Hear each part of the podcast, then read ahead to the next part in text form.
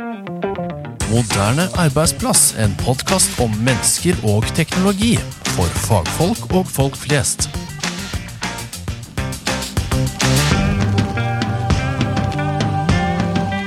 Hei og velkommen til deg, kjære lytter. Vi er glad at du er tilbake med oss for nok en episode av Moderne arbeidsplass fra Expend. Mitt navn er som vanlig Bjørn Ribber, og jeg skal lose deg gjennom dagens episode av Den moderne arbeidsplassen. Til denne episoden så har jeg fått med meg en gammel ringrev fra bransjen, og en person jeg kjenner ganske godt, nemlig konsulentsjef Bjørn Uddal fra Move. Ofte kjent i Citrix-miljøet som Storebjørn. Velkommen til oss, Bjørn. Hei, og takk for at en gammel mann som jeg blir invitert. Det blir spennende. Jeg tror det er faktisk første gang jeg er med på en podkast. Prøve noe nytt det er jo bare gøy. Det er veldig gøy. Det er sånn det skal være. Så i dagens episode så skal vi diskutere begrepet rundt mennesker og teknologi. Og menneskets relasjon til bruk av teknologi, både på jobben, men også privat. Men før vi vandrer videre, eh, må du nett fortelle litt hvem du er, Bjørn, og, og hva du sysler med på fritida, og, og litt om den faglige bakgrunnen din. Det skal jeg gjøre. Eh, Jeg vil vel egentlig kalle meg en teknologientusiast. Eh, Født og oppvokst på ei lita bygd på Vestlandet.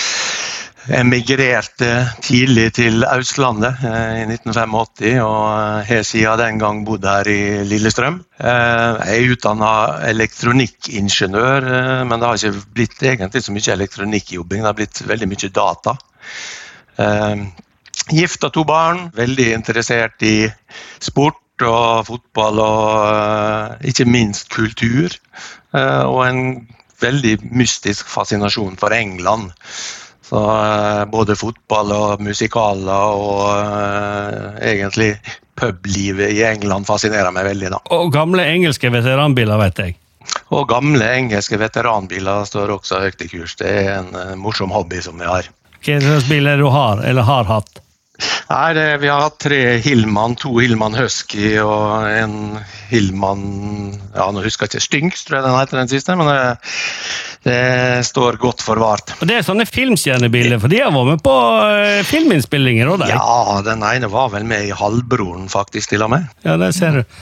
Ja, ja. Den, den faglige biten er jo det vi skal eh, gripe fatt i og, og diskutere, jeg og deg, i løpet av denne episoden. Ja. En, en god introduksjon til den faglige diskusjonen vi skal ha, er å, å, å opplyse lytterne om hvorfor vi to har egentlig tittelen Storebjørn og Lillebjørn. Det er jo Bjørn i begge navnene, men kan ikke du forklare litt hvordan vi fikk betegnelsen Storebjørn og Lillebjørn? Ja, dette handler vel egentlig litt om vår felles interesse. Vi kan jo komme litt tilbake til hvor det starta opp, men eh, vår felles uh, fellesnevner her har jo i lang, lang tid vært Citrix. Og eh, vi var jo eh, veldig glad i å reise på turer til eh, USA, på konferanser, på Citrix-konferanser. og Litt frampå som vi er begge to, så ble vi jo veldig tidlig kjent med CEO i eh, Citrix den gangen, eh, Mark Templeton. Som egentlig var høydepunktet på disse turene. altså Denne keynoten med Mark Templeton var jo det som egentlig Da var jo konferansen gjort når vi var ferdig med den. Eh, og Vi kom jo i prat med han og ble godt kjent med han, som sagt. Og, og han ble litt forvirra av Bjørn og Bjørn. Så eh, han så vel at den ene bjørnen var litt høyere enn den andre bjørnen, og da ble det Big Bear and Little Bear. så, så siden er vel det blitt oversatt til norsk som Lillebjørn og Storebjørn, da. Eh, Og det, og det har jo fulgt oss i ja, gode 20 år snart. Ja, Eh, det blir vel 21 år i år, tror jeg. Ja, det blir nok det. Eh, selv om jeg starta vel med Citrix i, i 99, og du eh, omtrent før det òg. Men, men dette har jo med, med Mark Templeton, og det er jo en, en fin måte å starte på. Han var jo altså eh, min mentor og, og, og, og helt, egentlig, som, som leder av mennesker og teknologi, for han er jo lidenskapelig opptatt av mennesker og menneskers bruk av teknologi. Ved siden av at han er opptatt av teknologi, men, han er veldig veldig, veldig opptatt av dette her med, med mennesker. og Det er jo en, en, en fin introduksjon til det vi skal eh, snakke om når det gjelder mennesker og, og teknologi. og Vi kan jo egentlig begynne Bjørn, med å definere litt grann hva er end user computing, eh, og, og hvorfor er det så viktig eh, innholdet i end user computing med tanke på det å bygge en moderne arbeidsplass? Jeg vet ikke, Kan ikke du definere hvordan end user computing og innholdet på en teknisk side fungerer hos deg? Jeg er masse, men vi, vi har gode tid. Vi har god tid, men, eh, og, og, det er antageligvis eh, en dullion eh, lyttere uti der som vil være uenig i vår definisjon. og Det finnes sikkert like mange definisjoner som det finnes folk rundt dette. men men jeg vil jo si, bare for å ta litt tilbake til Mark Templeton, det som eh, fascinerte meg med han, var jo hans fantastiske evne til å formidle dette budskapet og hans fantastiske evne til å se mennesket.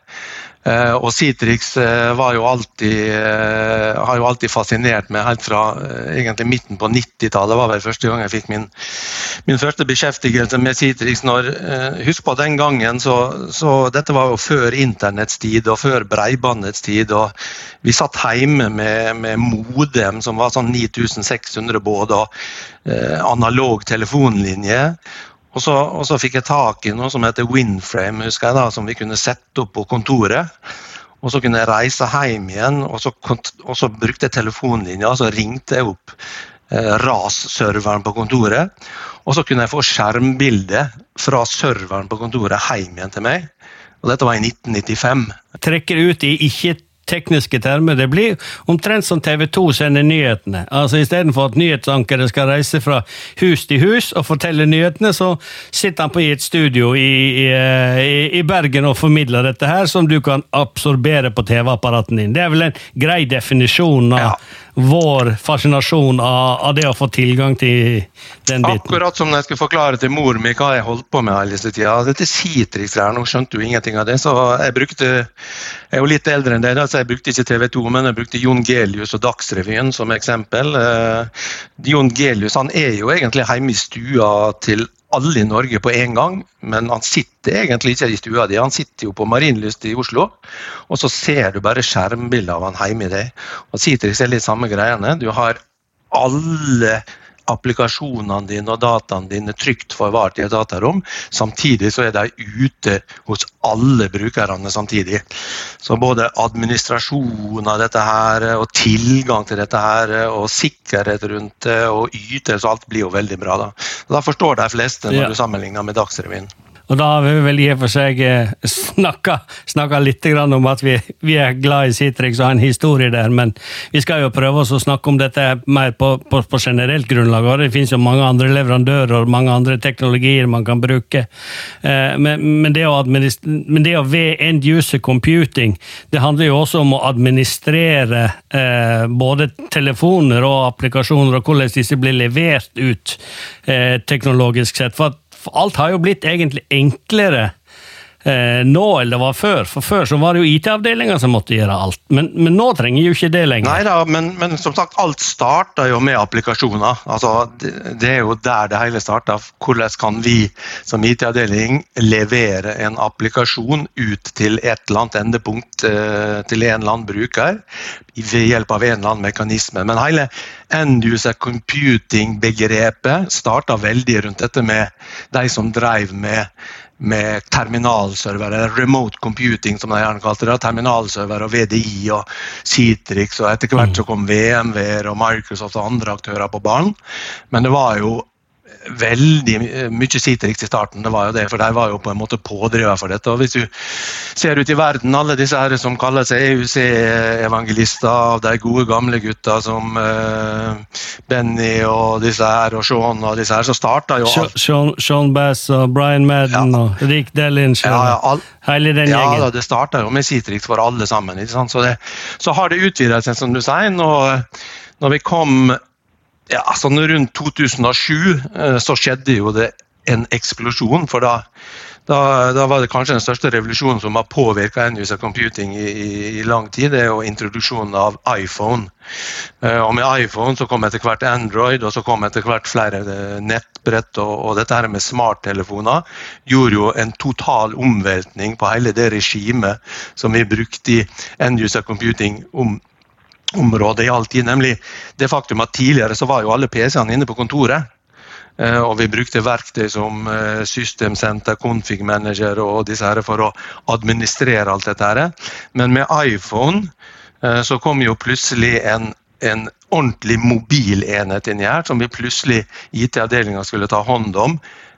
med de gamle verktøyene som ikke var tilrettelagt for det i det hele tatt. så etter hvert kom dette begrepet MDM, eller Mobile Device Management, som gjorde at vi også kunne håndtere mobiltelefonene og leveranser av innhold til mobiltelefon og administrasjon av mobiltelefoner på en smartere måte. da. Og det var jo vel for veldig mange eh, en barriere, det, å, å, det med å sikre ting. Eh, når vi får mer og mer løsninger som ikke kjører på datarommet, men kommer ut fra denne her såkalte skya eh, og leveres på en helt annen måte, så ser du at behovet for å endre hvordan man tenker ja. End-using computing har jo dramatisk endra seg ja, bare de fem, siste fem-ti åra. Ja, du kan jo si det var jo e-mail som var den, eh, og er fortsatt kanskje den største eller mest brukte applikasjonen ute der. Og det var jo den første vi selvfølgelig skulle bruke på denne iPhone også. Så eh, alle brukere kom da med en nyinnkjøpt iPhone og kom til IT-avdelinga og så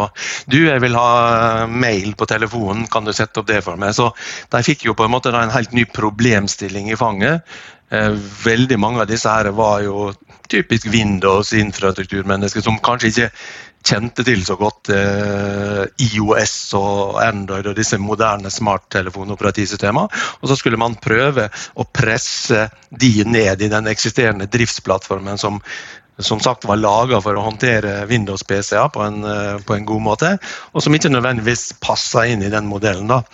Så, eh, så, det var jo der MDM som sagt kom som en litt sånn reddende engel. Og, og etter hvert når vi litt seinere fikk MDM, eh, kall det over the air For du husker i starten så måtte vi jo plugge telefonen vår inn i, i PC-en. Altså bruke iTunes for å oppdatere telefonen med en kabel til å begynne med. Så Den store revolusjonen kom jo rundt eh, sånn midt på 2010-tallet, når, når, du kunne gjøre eh, OS-oppdateringer over the air, eller uten å ha telefonen kobla til Eh, en kabel.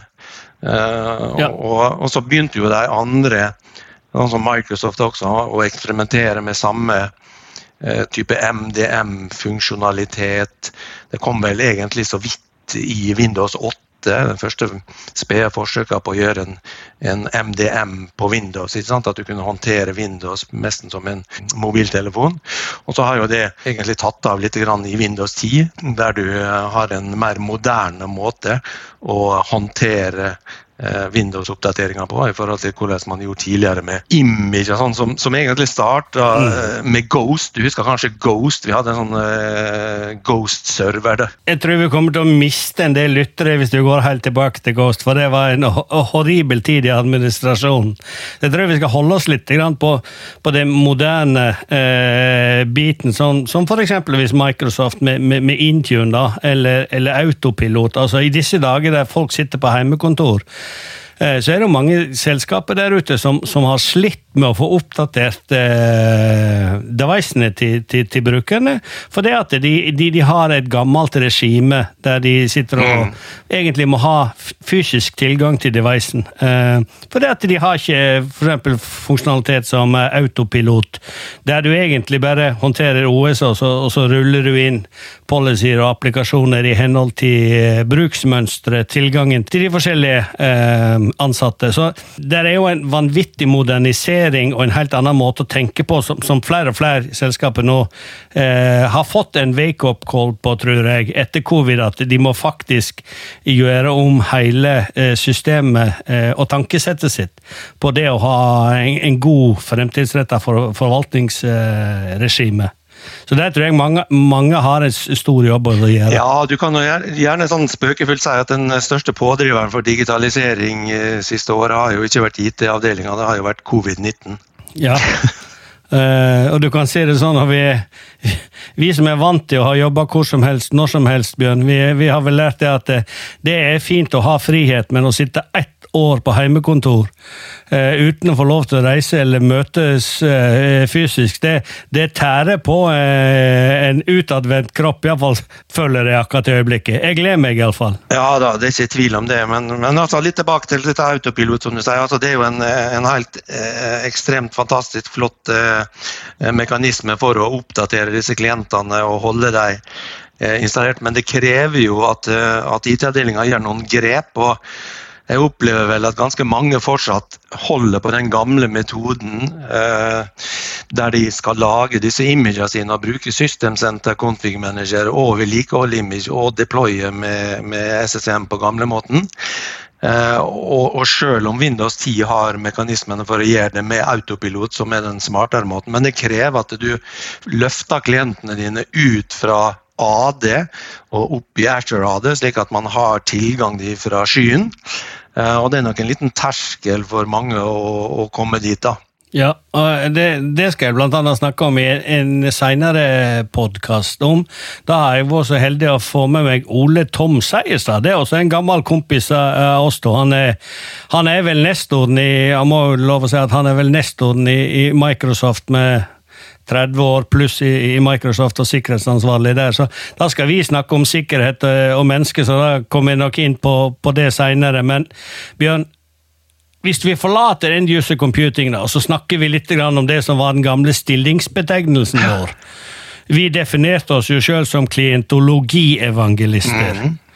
Og kan ikke du definere eller fortelle lytterne våre hvordan vi definerte klientologi? Nei, Vi snakka jo lenge om hvordan vi kunne eh, egentlig døpe litt om dette end user computing-begrepet, og fant vel ut at dette ordet klientologi eh, var vel egentlig det det handla om. Og vi definerte det vel eh, i starten som læra om innholdsleveranse til klienter.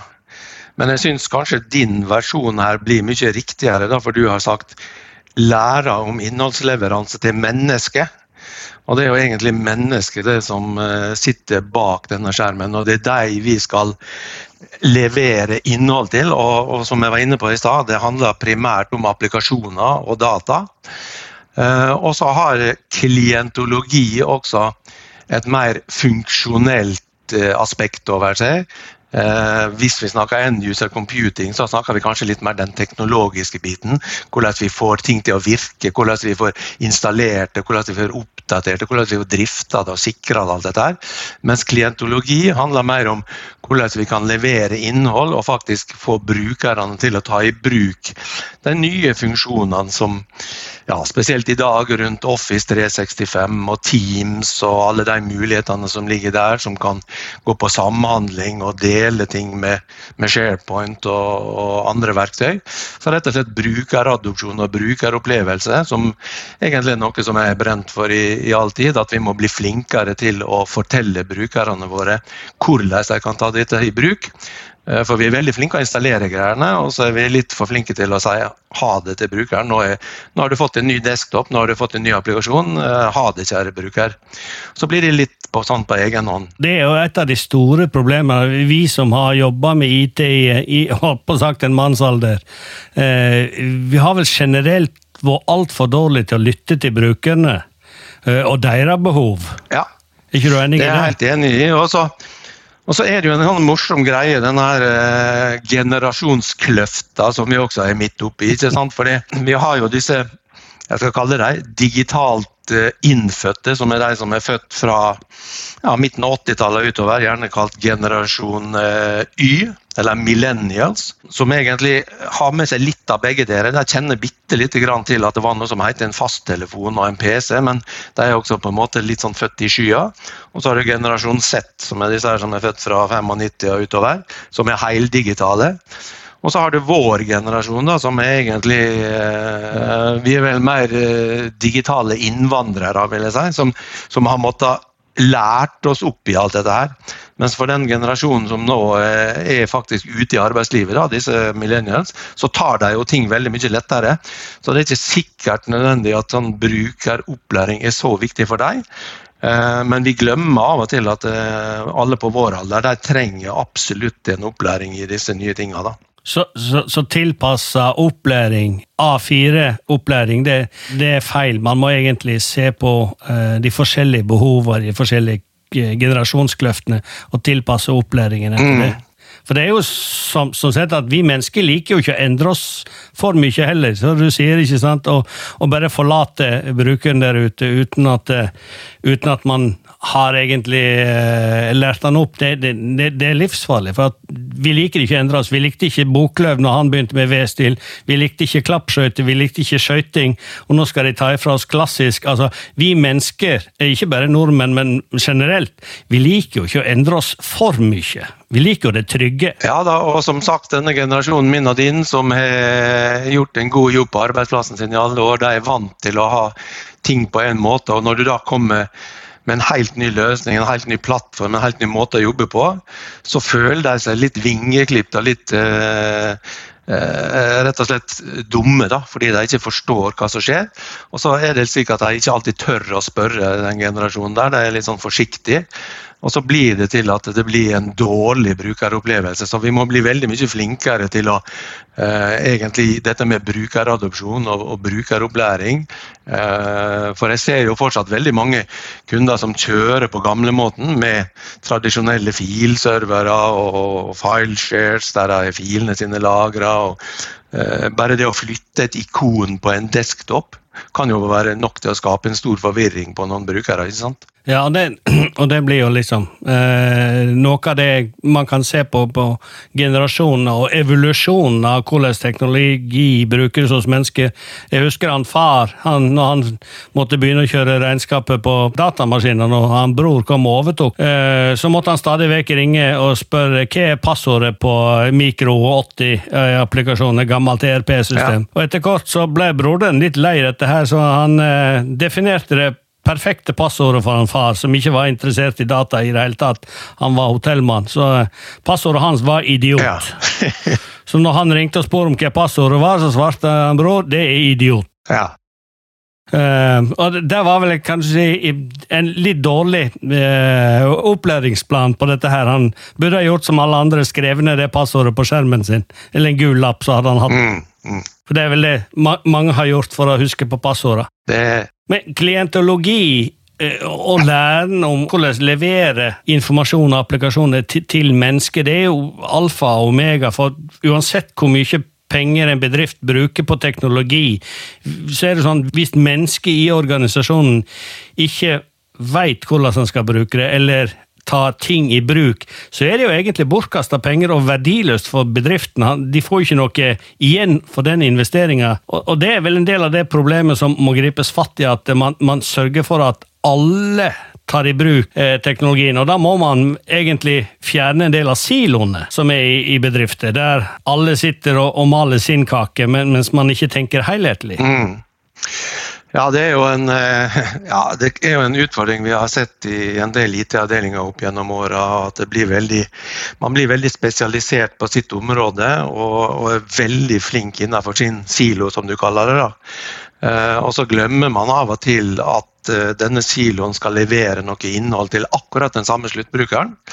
Og Stjerneeksempelet mm. det er noen år siden nå, da, men det var et kundemøte med en stor offentlig kunde.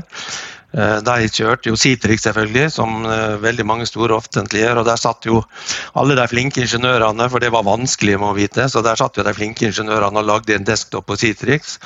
Og så hadde de selvfølgelig PC-er til alle brukerne. Og der var jo juniorene, for det PC var jo så lett, så det kunne disse juniorene få ta fatt i. Og så hadde de jaggu meg innført eh, VDI. Og de hadde da valgt VMW sin VDI-plattform, og det skulle jo pinadø ikke disse Citrix-konsulentene tar borti, for det hater de jo som pesten. ikke sant? Og Det enda jo opp med at disse VMware-servergutta måtte være de som lagde VDI-destapen. Så Der satt altså tre forskjellige siloer og lagde tre forskjellige eh, desktoper til akkurat samme brukergruppa. Um, så det, det, det, var litt, sånn litt dårlig eh, samhandling i det selskapet. Men det har heldigvis blitt bedre med åra. Nå, nå, ser vi jo mer og mer samkjøring, der eh, man ser at det er faktisk viktig å få eh, lagd en enhetlig brukeropplevelse til brukerne. da. Ja, det er alfa og omega. Men altså, har du noe syns på hvor flinke man har vært til å adoptere nye måter å løse klientologi i bedriftene på? Altså, går det fort nok? Er de for seine? Er de for Altså, hvordan syns du farten er? Da skal jeg bruke sånn favorittuttrykk i IT-bransjen. It depends. Eh, eh, noen er veldig flinke, eh, og noen har tatt denne digitaliseringa fullt ut, mens andre er litt sånn Ja, sånn har vi alltid gjort det her, og det fungerer, så det er fint, så vi trenger ikke å haste så veldig med det. Og så tror jeg det har litt med størrelsen på selskapet å gjøre. Hvis du er et stort Eh, kanskje offentlig eh, eller privat for den saks skyld, med en stor IT-avdeling, eh, så har du gjort ting veldig innarbeida og strukturert og følger ITIL-prosesser og alt og er alt på stell. Da er endringer kanskje vanskeligere, eller ikke vanskeligere, men det tar lengre tid å få gjort endringer enn i et litt mindre selskap, der du raskere kan snu deg med vinden. Og så har vi jo fått noe som vi var inne på i stad, så til de grader drahjelp av denne covid-19-pandemien, som har egentlig tvunget veldig mange til å akselerere denne digitaliseringa veldig mye raskere enn man ellers ville gjort. Simpelthen fordi de var nødt til å gjøre det. Så ser jeg bare, bare skolene som plutselig måtte sende alle elevene hjem. Eh, og vips, over natta nærmest, så hadde de en en løsning på plass for å drive fjernundervisning. Eh, og sammen med veldig mange andre, eh, både private og offentlige, som har sendt alle hjem, så har de blitt tvunget til å få den heimekontorsløsninga, som kanskje var veldig underdimensjonert, har de brått måttet skalert opp til nesten alle ansatte sånn over natta. Så her har det jo skjedd utrolig fort takket være covid-19. da. Og Det tror jeg veldig mange selskaper øh, og organisasjoner i, i, Norge og verden i de neste månedene og, og neste året må kan du si, få covid Eh, reaksjonen inn under huden, og endre egentlig forvaltningsplattformen sin framover. Og sørge for at de beslutningene de tok, eh, blir satt i et strategisk eh, sammenheng. Men vi begynner å nærme oss slutten på vår tilmålte tid, så må vi prøve å oppsummere. Men generelt, Bjørn, når det gjelder mennesker og teknologi, hvordan syns du konsumerorientert, altså vår private eh, bruk av teknologi, er opp imot forretningsbruken av applikasjoner og sånt. Får vi noe hjelp av konsumer eh, og den private i, i teknologibiten, eller eh, er det eh, bedriftene som må være foregangs her? Nei, du, du, kan vel si at den eh, som amerikanerne kaller consumerization-bølgen, som starta sånn, eh, starta veldig omtrent når iPhone kom og utover der, så, så ga det jo også oss eh, sammen med, med internett og breiband og tilgang på veldig mye billig elektronikk, så har det jo, det har jo vært en pådriver for at vi i heimen har fått egentlig bedre utstyr og, og båndbredde og alt hjemme enn vi hadde på kontoret. Og eh, alle de tjenestene som har blitt tilgjengeliggjort på internettet, har jo gjort at vi har fått selvbetjening, så vi kan eh, egentlig være vår egen IT-sjef. så det Eh, for sluttbrukerne har jo det vært fantastisk. At jeg kan bare kjøpe meg en Dropbox-konto og så administrere den sjøl. Så legger jeg alle filene mine der, så kan jeg dele med deg ved å gi deg tilgang. Og så drar vi jo med oss disse her eh, vanene etter hvert inn på kontoret. Eh, slik at IT-avdelinga vil nok kanskje synes at dette er et lite mareritt å forholde seg til. For nå kommer jo brukerne dragende med alt mulig av utstyr. BYOD kaller man det. Bring your own disaster, eh, som IT-avdelinga ville ha kalt det. Eh, og, så prøver man å få det til på kontoret, og så går man liksom litt rundt IT-avdelinga. Så etablerer man tjenester som egentlig ikke IT-avdelinga vet om og så får man problem, og så er det noe sikkerhetsproblem, og så kommer de til IT-avdelinga. Du, vi har satt opp den tjenesten her, det virker ikke, kan du hjelpe meg? Så for sluttbrukerne er jo dette her er fantastisk, men IT-avdelinga hater det jo som pesten. ikke sant? Ja, shadow-IT eller skygge-IT, det er jo et kjent begrep, men det er jo der ofte innovasjonen ligger. Man finner en tjeneste som man har lyst til å absorbere for at han kommer til å hjelpe forretningen til bedre suksess, eller, eller avdelinga til, til bedre å kunne gjøre jobben sin, men så er det kan du si, en eller annen teknologisk blokkering på at det har ikke gitt deg tid til akkurat nå, og du er så du er så keen på å få det til at du egentlig implementerer det uten at noen vet det. Det er jo en form for innovasjon eh, som ligger der. Er det noe du ønsker å avslutte med, kanskje et godt råd, eller har du noen visdomsord til, til, de som sitter der ute, som enten er helt i begynnelsen eller ikke jobber i IT, men, men, men konsumerer eh, teknologi av bedriftene?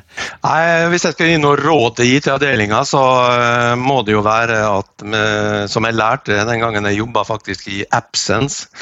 Eh, og det var 'manage users and not devices'. Eh, vi må egentlig begynne å fokusere mer på som jeg sa, brukeropplevelse, onboarding, brukeradopsjon, og administrere brukere og tilganger, og ikke minst data. Altså Det er jo dataene som er viktige å forvalte. Det viktigste er egentlig å administrere brukere og tilganger og data. Og så kanskje finne litt smartere måter å automatisere oppgaver på. Altså Vi gjør så utrolig mange manuelle ting, og det finnes kjempemasse gode verktøy der for å automatisere oppgaver som er repetitive. Og kanskje også smartere måter å anvende alle dataene vi samler inn på. Og så bruke disse dataene til, eh, til, bedre, til å gi bedre innsikt i virksomheten. da jeg har råd til sluttbrukere, eh, så vil jeg, vil jeg, si hvis du skal ut og søke deg jobb, så bør du forlange av, av, virksomheten å få valgfrihet. altså at Velge liksom hvilke enheter du vil jobbe på, arbeidssted, arbeidstid. Eh, forlange at ting skal være selvbetjent, så du kan eh, på en måte få tilganger og applikasjoner og data mer selvbetjent. Og så er det superviktig som sluttbruker å holde seg oppdatert på alt rundt sikkerhet. fordi Den største trusselen vår i dag er jo cyber cybersecurity og alle som vil egentlig eh, hacke oss. Vi får jo daglig bevis på dette med at eh, folk har blitt utsatt for ransomware. Jeg hadde senest i dag for en time siden en kunde som har blitt angrepet, som vi sitter og hjelper nå. Eh, og, og, sikkerhet er jo en kultur, det er jo ikke et produkt. Så vi må, som sluttbruker så må du være flink og holde deg oppdatert på bedriftens sikkerhetsrutine. Eh, både IT-sikkerhet og informasjonssikkerhet, eh, slik at du får forstår hva du skal gjøre og hva du ikke skal gjøre, og, og hele tida øver på dette. her. Og så er det dette med, med, å være en lagspiller tror jeg er veldig viktig. fordi jeg ser den generasjonen som kom ut i arbeidslivet nå, er veldig vant til å jobbe på lag.